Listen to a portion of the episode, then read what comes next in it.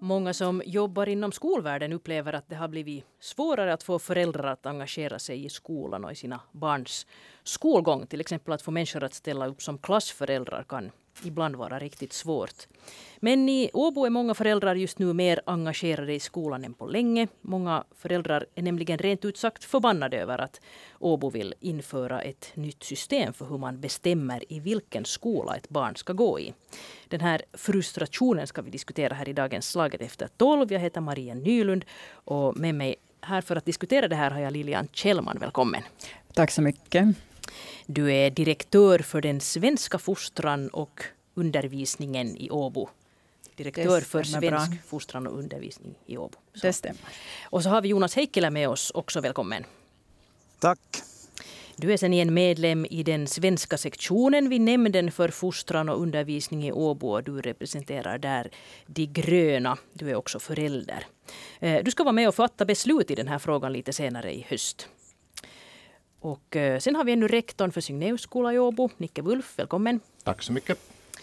Du är samtidigt också förtroendevald för Svenska folkpartiet. Men du kommer inte att fatta beslut om den här frågan i, på samma sätt som Jonas Heikkilä. Ni sitter inte i samma organ. Nej.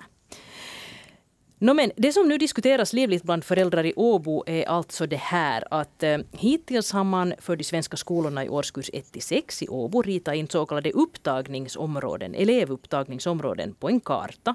Familjens adress har alltså avgjort i vilken skola man ska gå i, punkt och slut.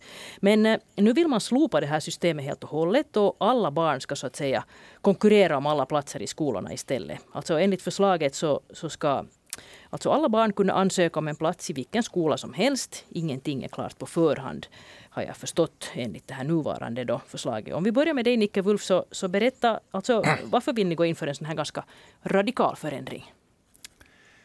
Bakom det här egentligen, jag har ju så att säga varit med och, och med de andra rektorerna och, och berett det här förslaget Eh, bakgrunden i det här ligger egentligen om man börjar blicka bakåt i historien så vi kan gå ner till 2014 då det senaste har gjorts en förändring i elevupptagningsområdena då i, i samband med att, att den nya Braheskolan byggdes. Och, och, väldigt mycket i vår stad har ändrats sedan dess. Det vill säga en, en stor stad som Åbo med en väldigt liten men utspridd svensk befolkning så, så behöver ju absolut få sina tjänster, men utmaningen finns att var ska de här tjänsterna finnas för att de ska finnas tillgängliga. Och, och, och med de, de gränserna som finns nu så, så har helt enkelt situationen för en av våra skolor, det vill säga Signeus skola, blivit oumbärlig. Det vill säga skola? Min skola, ja. Elevantalet är för stort. Det vill säga eh, års, årskullarna på, på Signeus skola har vuxit medan, medan de sen i cirklar har minskat hela tiden. Och, och nu i, i samband med det glädjande, glädjande i bruktagandet av den nya cirkelskolan, som ska ske då nästa höst så, så behöver vi på något sätt se till att, att det blir en, en, en effektivare och bättre placering av barnen så att, säga, att vi, vi, vi blir bättre på att, att så att säga rent krasst liksom fyller klassrummen på ett, ett bättre och sen för eleverna också ett jämlikare sätt. Har vi, har vi årskurser var det finns 12, 13, 14 elever på en klass och sen finns det i en annan skola är de 24, 25, 26. Så, så det är också sånt som måste tas i beaktande. Så att det finns en, en, en beställning och, och, då har vi tjänstemän berett ett förslag och, och, och, så får, får politiker och föräldrar ta ställning till förslaget. Men varför behöver man Lilian Kjellman ett sånt här ganska radikalt förslag? Hela havet stormar på något vis. Um, vi behöver ett, ett uh, förslag, ett ändringsförslag därför att vi inte... Det som är klart eh, och väldigt tydligt är att vi kan inte fortsätta enligt eh, samma modell som vi har nu. Därför att eh, precis som, som Nicke Wulf sa här så betyder det att, att vi har helt fullt hus i ena skolan och nu när vi får Sirkala skolas nybygge nästa höst så får vi långt mera platser där än vad vi haft tidigare. så vi behöver styra på ett, på ett annat sätt. Och det här är också ett led i den här centrumutredningen över service inom svenskspråkig fostran och undervisning, där vi dels har tittat på um, hur många barn vi har på kommande, men också vad vi har för daghem och skolor. Så, så som ett led i det här, hur vi bäst uh, kan då uh, styra servicen, sköta om servicen, så är då det här ändringarna i elevupptagningen som en del av, av hela det här centrumutredningen för svenskspråkig service. Mm. Så vi har liksom en ojämn elevfördelning här mellan två stora skolor. Eh, men, men lösningen här nu föreslås vara alltså att mm, ja, en, en ganska sån här som jag sa, hela havet stormar. Alltså ingen ska veta på förhand riktigt vart man, var man får en plats utan, utan eh, det här alla ansöker om. Uh, no, där måste jag liksom på det sättet uh, nog korrigera att så är det ju inte, så, så är det inte tänkt att hela havet stormar. Utan ganska långt så skulle ju eleverna fortsättningsvis enligt tillgänglighetsprincip styras in. Så att, att eh, det är ju inte tanken att du ska behöva passera en skola för att komma till den närskola som du anvisas. Så ganska långt skulle det ju styras ändå av, av eh, var du bor helt enkelt och, och, vad som är närmast. Men sen har vi en väldigt stor del av våra elever som bor inom centrumområdet och där tillgängligheten faktiskt är väldigt bra till eh, våra alla tre skolor egentligen. Mm. No, den här idén har nu inte riktigt tagit så hemskt väl emot av föräldrarna. Föräldrar har nämligen nu möjlighet att kommentera förslaget på nätet. Och nästan alla där som har kommenterat så sätter tummen ner på ett ganska känslomässigt sätt har jag tyckt. En, en förälder kallar reformen för helt sjuk och en annan säger totalt intelligensbefriad. Det, inte, det, finns visserligen också en handfull positiva kommentarer som säger till exempel perfekt, mycket efterlängtat, äntligen. Men för det mesta så nämns ord som att det känns bittert, att det skapar osäkerhet och stress. Man är framförallt rädd för att avståndet till skolan ska bli långt och att syskon hamnar i olika skolor, vilket gör då morgonlogistiken till en mardröm. Och Jonas Heikkilä, du är förtroendevald nu då och ska fatta beslut om det här. Vad tänker du om den här kritiken som har kommit in? Jag, kan säga, jag är inte överraskad, för den, den stämmer delvis in med den kritik jag har framfört själv under processen här. Det här var ju upp också för några år sedan i, i sektionen. Och det här, det känns för mig som att nu i våras att det inte utreddes ordentligt det alternativet att lite justera gränser så som man gjort tidigare. Det här hade tyvärr liksom inte möjlighet att delta i junimötet men det hade inte haft någon betydelse för utgången av röstningen så det, på det viset har det ingen betydelse. Men Pia-Maria Gardberg lyfte fram de farhågor jag hade där då och, och det stämmer ju ganska långt också vad jag ser nu vad föräldrarna tänker. Eh, speciellt det här syskonkriteriet har jag stor förståelse för. Jag har själv råkat ut för en sån situation var vi, var vi bodde då just vid den här justeringen 2014 bodde i studentbyn. Äldsta barnet hade börjat skolan och mellanbarnet skulle sen eh, några år senare till förskola. Och då gick vårt äldsta barn då cirkelskola och vi tänkte att mellanbarnet får också börja förskolan. Cirkala, men då var det så pass många, många barn redan eh, i cirkelområdet, Vi hade då inte flyttat någonstans, men gränsen hade flyttats så vi hörde till Signeus upptagningsområde.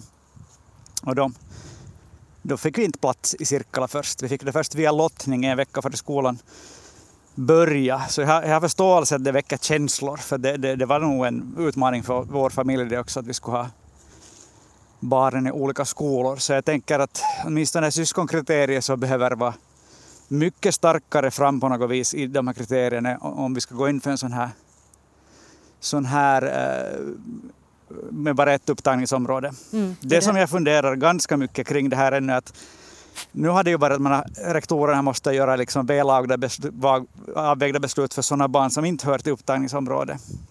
Men jag tänker att om vi har bara ett upptagningsområde betyder det ju att rektorerna måste göra väl avvägda beslut för varenda en som börjar ettan. Och det här tycker jag att inte riktigt... Det känns inte genomtänkt, helt enkelt.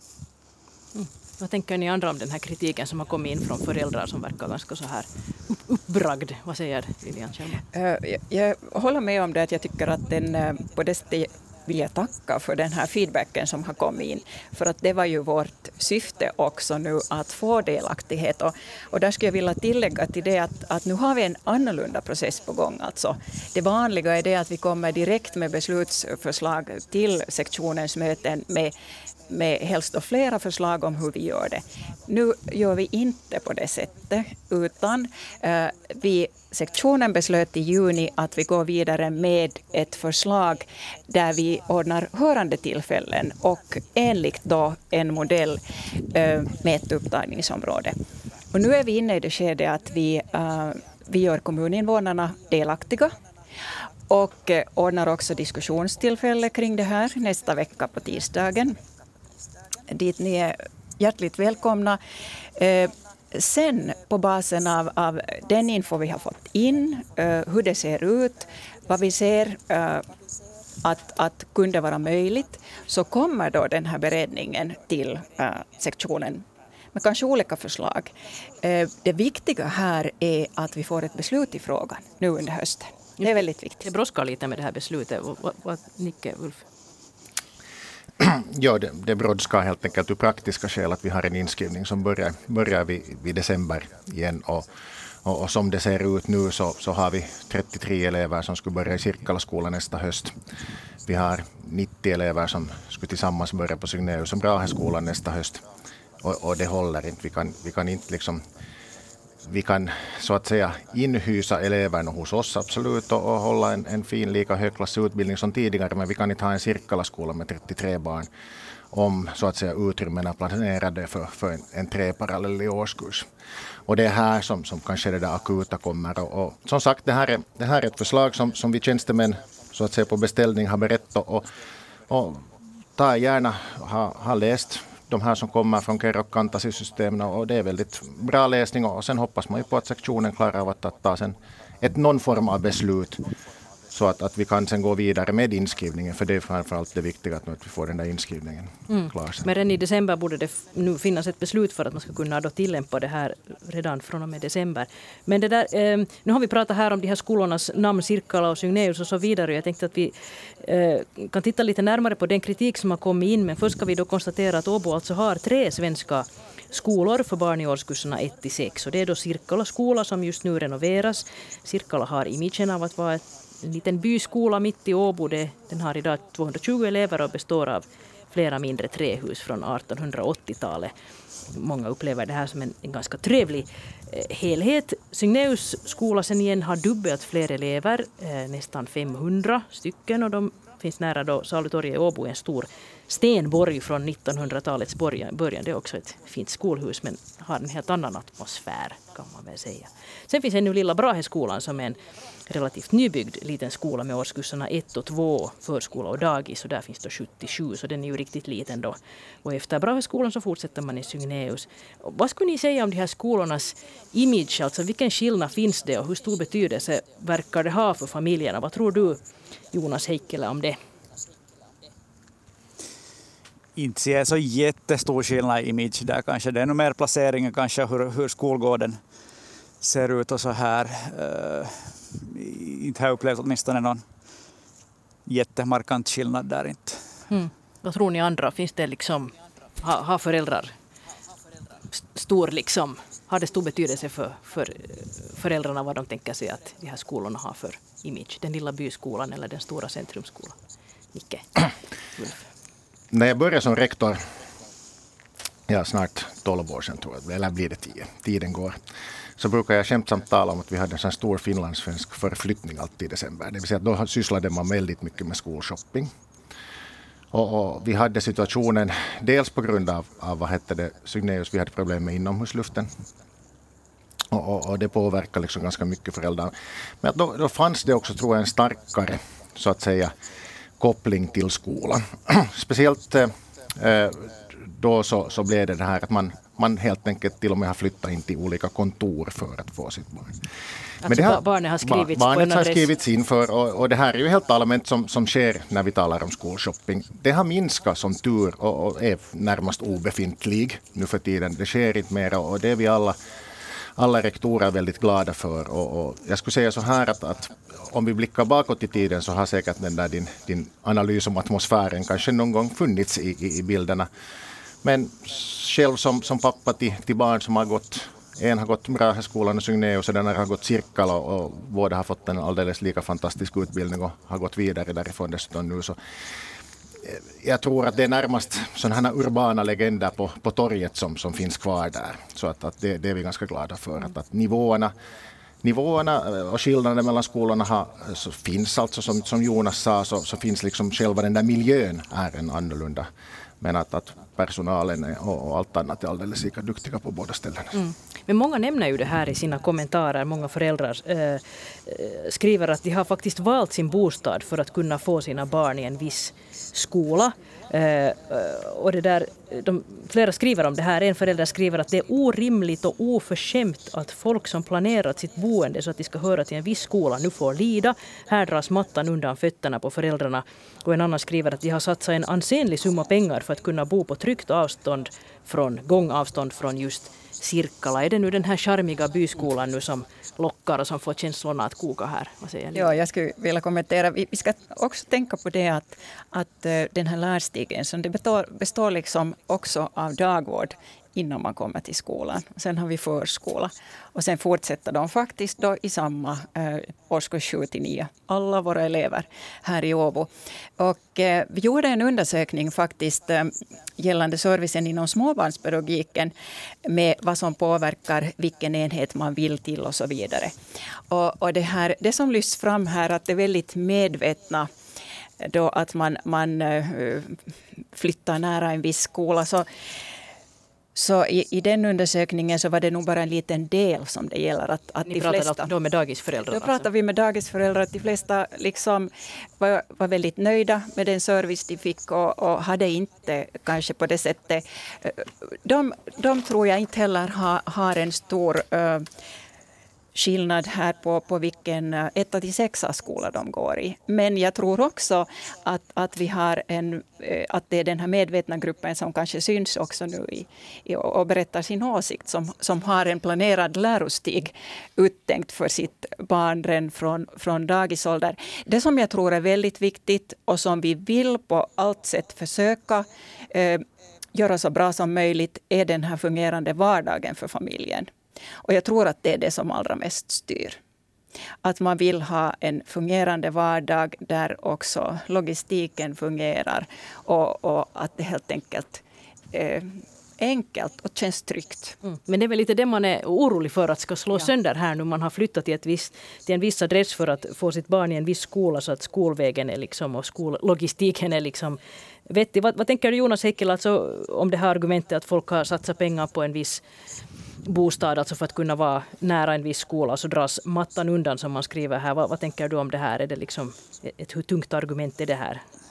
Eh, jag är ju inte ursprungligen Åbobo, så jag har inte haft de där liksom historiska banden till en viss skola och så vidare. Men jag märkte ju nog när det var dags för våra barn att börja skolan det fanns folk som, som flyttade till farföräldrar eller morföräldrar eller någonting för att kunna få rätt adress. Så att jag är medveten att det har funnits sån här. Och och, och, och, visst slog den tanken med att jag kunde ha flyttat till min bror också för att få in, få in det mellan barnen i cirkelskola. Men det här, vi tog inte sådana drastiska metoder. Eh, eh, det som är tycker jag, skillnad mellan småbarnspedagogik och skola också att småbarnspedagogiken så, så måste man ju föra sitt barn dit oberoende.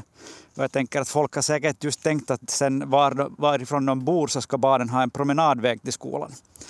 För det behöver man ju inte på samma vis eh, föra barnen. Så jag förstår nog att folk har liksom faktiskt planerat långt framåt. Och jag tycker det är ju bra att man tänker så att man bor så att barnen ska kunna gå till skolan eller ta en lätt busslinje mm. dit. Om jag får kommentera här så är det ju just det som vi vill nu sträva till också med det här. Vi vill sträva till den här utjämningen men också till mera hållbarhet i hur man kan ta sig till skolan. Alltså att det ska vara lätt att ta sig med kollektivtrafiken och eh, att det inte enbart är det här geografiska avståndet utan väldigt lätt att ta sig. Och och det är ett missförstånd att vi, vi liksom skulle kasta alla brickor i luften och, och att man inte eh, har någon säkerhet om man då bor väldigt nära en viss skola. Det är klart att, att då, då är det den skolan som är mest tillgänglig för dig och det tittar vi ju på. Så att här tror jag nog också finns nu kanske en, en ganska stor onödig osäkerhet som, som vi ju då får kommunicera bättre kring. Mm. Att det är ju inte så att vi skulle rubba på, på allting nu med det här. Mm. Här verkar ju också bland kommentarerna finnas de föräldrar som tror att man nu kommer att börja omfördela äh, barnen liksom mitt i deras skolgång. Alltså att man skulle bli flyttad från skola A till skola B mitt under skolåret ungefär för att jämna ut de här platserna. Nej, det stämmer inte. Det, det kommer vi inte att göra. Det är inte tanken ens. Just det. Så en, det här har kanske funnits en del att önska i den här informationen möjligtvis. Här finns kanske lite missförstånd då också bland med. Vad tänker ni om det här? Så är det absolut och jag skulle ta ännu fast vid den här tillgängligheten. Staden försöker ju dessutom just tänka, tänka så att säga hållbart och, och ekologiskt. Och här är vi ju glada för att till exempel cykellinjerna förbättras in till stan och sånt, vilket gör sen igen för eleverna, eleverna här på, även på den här sidan eh, Åbo stad var vi är så eh, tillgänglig, att skolan blir tillgänglig tryggt, till exempel med cykel, vilket det inte har varit tidigare.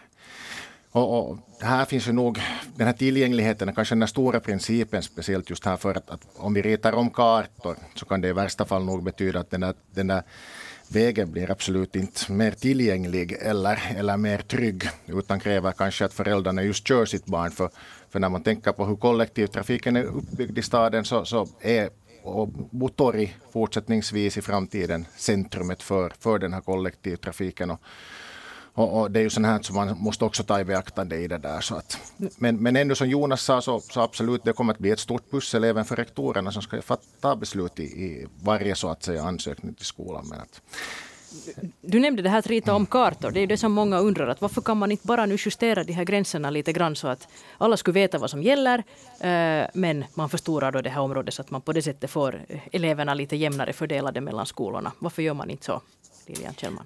Det är ju det som vi historiskt sett har gjort hela tiden. Att med jämna mellanrum då korrigerar vi att, att titta att var, var bor eleverna. Eh, det har aldrig blivit riktigt bra. Vi, vi har ju inte, det är ju ett bevis på det att, att klassstorlekarna är liksom så här ojämna. Trots att vi har då försökt justera de här områdena. För att att ett år så bor det flera liksom inom ett område och det, det hörn då av kartan som vi har kanske försökt styra till den andra skolan. Så det, det faller inte bra ut helt enkelt. Och, och, där finns också alltid en viss ojämlikhet och orättvisa. Men att eh, det är ju det som är alternativet, att vi då tar eh, ett område på kartan och justerar det. Och, och, och, för att nå de här målsättningarna att båda, båda skolorna ska vara likvärdiga med att inte större klassstorlekar i en skola och mindre i den andra, så skulle vi ju då eventuellt hamna att justera de här gränserna väldigt, väldigt tätt. Mm. Vilket också skapar otrygghet. Vad tänker du Jonas Heikkilä om det här alternativet att justera de här kartgränserna nu? Skulle det vara mera förutsägbart och så här lättare för föräldrar att planera livet framöver? Jag tror det är ett mer entydigt kriterium då i alla fall. Det, är liksom, det, det går inte att diskutera om det är trygg eller inte skolväg, speciellt som i Åbo har ju polisen också sagt att det finns några otrygga skolvägar egentligen. Det har vi ju till och med officiellt beslut på då efter den här bussolyckan för några år sedan. Så det här att äh, det, det är mer entydigt med karta. Och mm. folk tror jag kan lättare kanske acceptera det än det här just att alla ska då avvägas. Mm. Så jag skulle gärna ha sett att man skulle ha utrett det alternativet men nu har det ju inte gjorts. Ja, det har inte, inte ens utretts. Så du, Lilian Kjellman, tycker att det är en dålig idé. Man skulle måste rita om den här kartan hela tiden. Eh, nej, jag tycker, in, jag tycker inte det. Utan jag vill igen framhålla det att vi gör den här beredningen på ett annat sätt. Uh, vi skapar delaktighet när vi in, innan vi har också färdiga förslag för att höra kommuninvånarna i det här. Och, och, det där, och att det sen sist och slutligen är ju svenska sektionen som beslutar om hur det här ska se ut. Men nu skapar vi, eh, vår intention är att eh, få en jämnare tillströmning till skolorna. Det är en enormt viktig intention. Vår intention är också att eh, skapa en enhetlig lärostig, en förutsägbar lärostig, så att man inte ska behöva känna den här otryggheten som, som nu kommer upp i, i, de här eh, svaren, eh, svaren. Det här är inte alldeles enkelt. Eh, skulle det ha varit det skulle vi ha löst det säkert för länge sedan. Men eh, men vi är mitt i en beredning eh, där vi lyssnar nu i det här skedet på kommuninvånarna, där vi har vår tankegång om hur det skulle komma kunna ske. Det här att vi har ett upptagningsområde.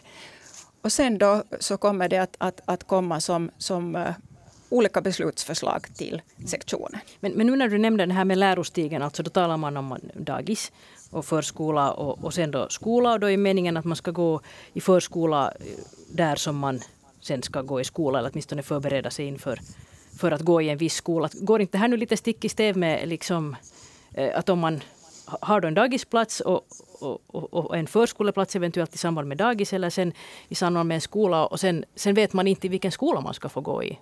Ja. Är det inte just tvärtom då? Här måste vi säga det att vi, vi, vi klarar inte att ha liksom den här enhetliga lärostigen ända från dagis ett år till 15 år eh, eftersom vi har ett gemensamt upptagningsområde för 1 till 5-åringarna. Eh, och, och, och, där, där kan vi inte liksom styra en, enligt blivande eventuell skolgång eller hemadressen, fast strävan är det. Man kan inte få välja dagis? Man, man kan inte få välja dagis, det, det finns inte på det sättet uh, platser så att det skulle, det skulle vara möjligt. Uh, förskolorna så har vi strävat till att ha i samband med skolorna. Eh, nu är det inte heller möjligt. Vi har Signeus förskola som inte är direkt fysiskt i, i, i samråd där. Men eh, visst tänker vi här att den här upptagningen nu som sker eh, från och med förskolan borde vara enligt samma kriterier som skolans upptagning. Nicke, Ulf?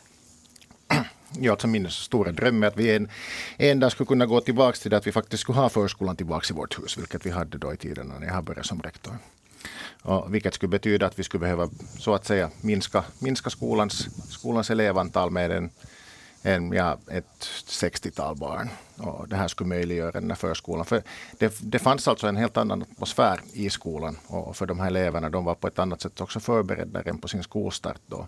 Och, och tycker väldigt synd om, om just de förskoleföräldrarna faktiskt när man inte riktigt vet var den här Signeus-förskolan finns alltid. Det verkar vara så att den, den, den byter nog plats väldigt ofta beroende på, på olika saker. Och det här är ju väldigt ledsamt för föräldrarna.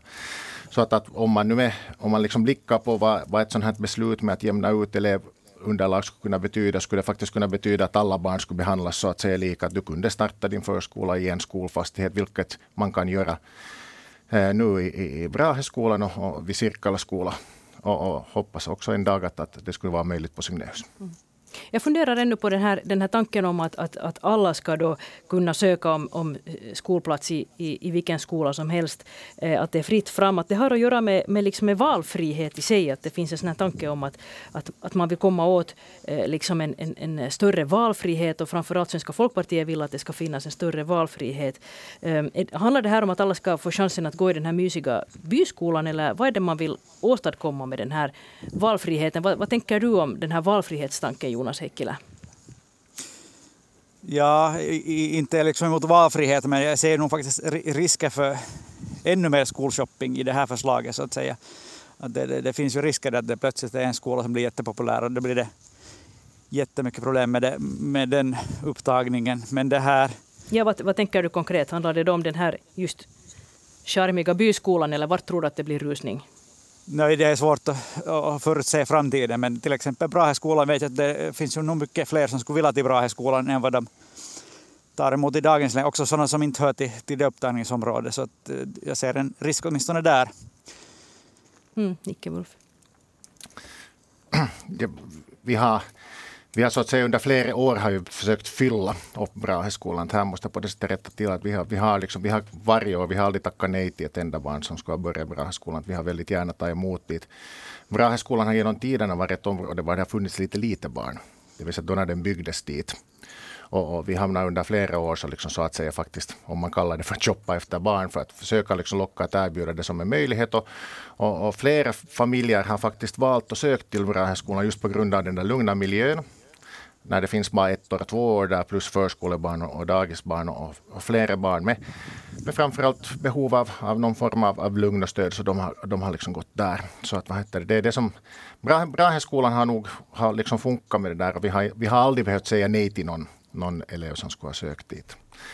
Så att, eh, men ja, eh, det här med valfriheten så, så, absolut finns valfriheten och sen, sen är det ju inte sådär bara att välja fritt utan att vi, vi försöker ju också med det här förslaget komma åt till ett tak, det vill säga ett maximitak och det ska vi glömma ihåg att det här finns också i det här beslutet.